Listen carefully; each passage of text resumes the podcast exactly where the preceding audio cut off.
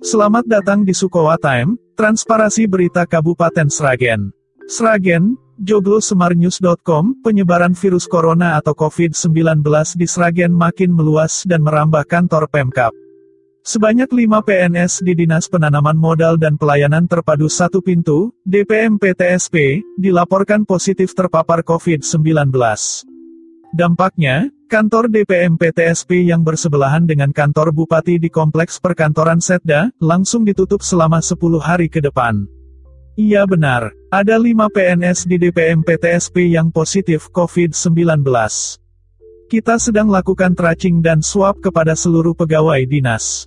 Kantornya kita tutup selama 10 hari mulai hari ini, ujar Sekretaris Daerah, Sekda, Sragen Tatak Prabawanto kepada Joglo Semar News. Kom, Jumat, tanggal 27 November tahun 2020. Tatak menjelaskan tracing dan swab tersebut dilakukan untuk mengantisipasi penularan COVID-19 yang lebih luas di dinas terkait. Sebab pengunjung di DPM PTSP bisa dari mana-mana dan tidak hanya warga Sragen saja.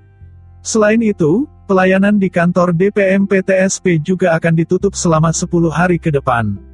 Penutupan dilakukan mulai hari ini sampai 10 hari ke depan. Meskipun hasil tracing dan swab negatif, kami anjurkan untuk isolasi mandiri dulu. Sehingga pelayanan tutup 10 hari mulai hari ini, terangnya. Pihaknya mengaku belum mengetahui sumber penularan kelima PNS yang positif COVID-19 tersebut. Menurut Tatak, saat ini tracing dan penanganan menjadi fokus utama guna mencegah penularan lebih lanjut. Sumber penularan, tidak tahu.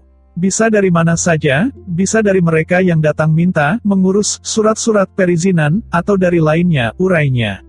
Meski pelayanan di kantor tutup sementara, Tatak memastikan proses perizinan tetap bisa dilakukan secara online. Warga tetap bisa mengajukan izin melalui sistem online Sistem Submission OSS. Kan sudah online melalui OSS, proses perizinan tetap bisa jalan, imbuhnya. Terpisah, Kepala DPM PTSP Sragen, Tugiono membenarkan ada 5 PNS di kantornya yang positif terpapar COVID-19. Saat ini mereka sudah diisolasi mandiri dua orang bersama keluarganya, kemudian dua orang diisolasi di Teknopark dan satu orang diisolasi di RSUD Sragen. Terkait kondisi itu, pihaknya sudah langsung melakukan tracing dan semua PNS yang kontak erat dengan 5 PNS itu diminta melakukan rapid test maupun swab. Termasuk dirinya yang sejak temuan kasus positif pertama pada pensnya, ia langsung berinisiatif melakukan swab dengan PCR. Hasil swab saya negatif. Dan semua PNS yang kontak erat, sudah saya minta tracing dan swab. Sementara juga kami minta isolasi mandiri dulu, urainya.